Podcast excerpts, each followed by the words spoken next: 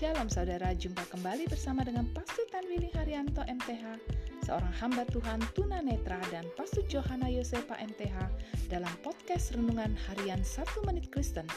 Di dalam podcast ini, kami membagikan kebenaran dari Alkitab yang dimulai dari kitab kejadian sampai kitab wahyu. Selamat menikmati.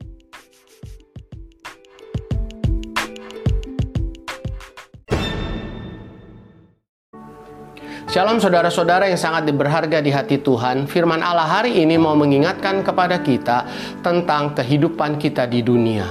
Kemah suci dan kemah orang Israel sebagai umat Allah dapat dibawa berpindah-pindah. Hal itu menggambarkan suatu kehidupan dari manusia. Saudaraku sadarilah bahwa kehidupan kita di dunia ini hanya sementara kemah itu bisa dipasang dan suatu hari akan dibongkar.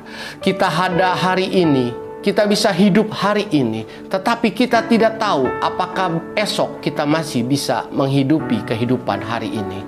Untuk itu, ketika kita masih dapat menghirup nafas dari Allah, marilah kita hidup mengasihi Allah dengan lebih sungguh, menjadi berkat bagi sesama kita, dan mempersiapkan keturunan-keturunan kita di dalam Tuhan Yesus, sehingga suatu hari nanti kita akan dapat melihat bahwa kehidupan kita yang sementara telah menjadi berkat bagi banyak orang.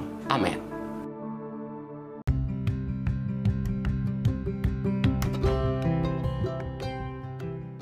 Terima kasih saudara telah mengikuti podcast Renungan Harian 1 Menit Kristen.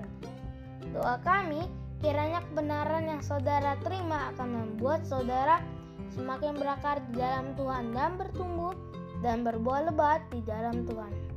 Tuhan Yesus memberkati.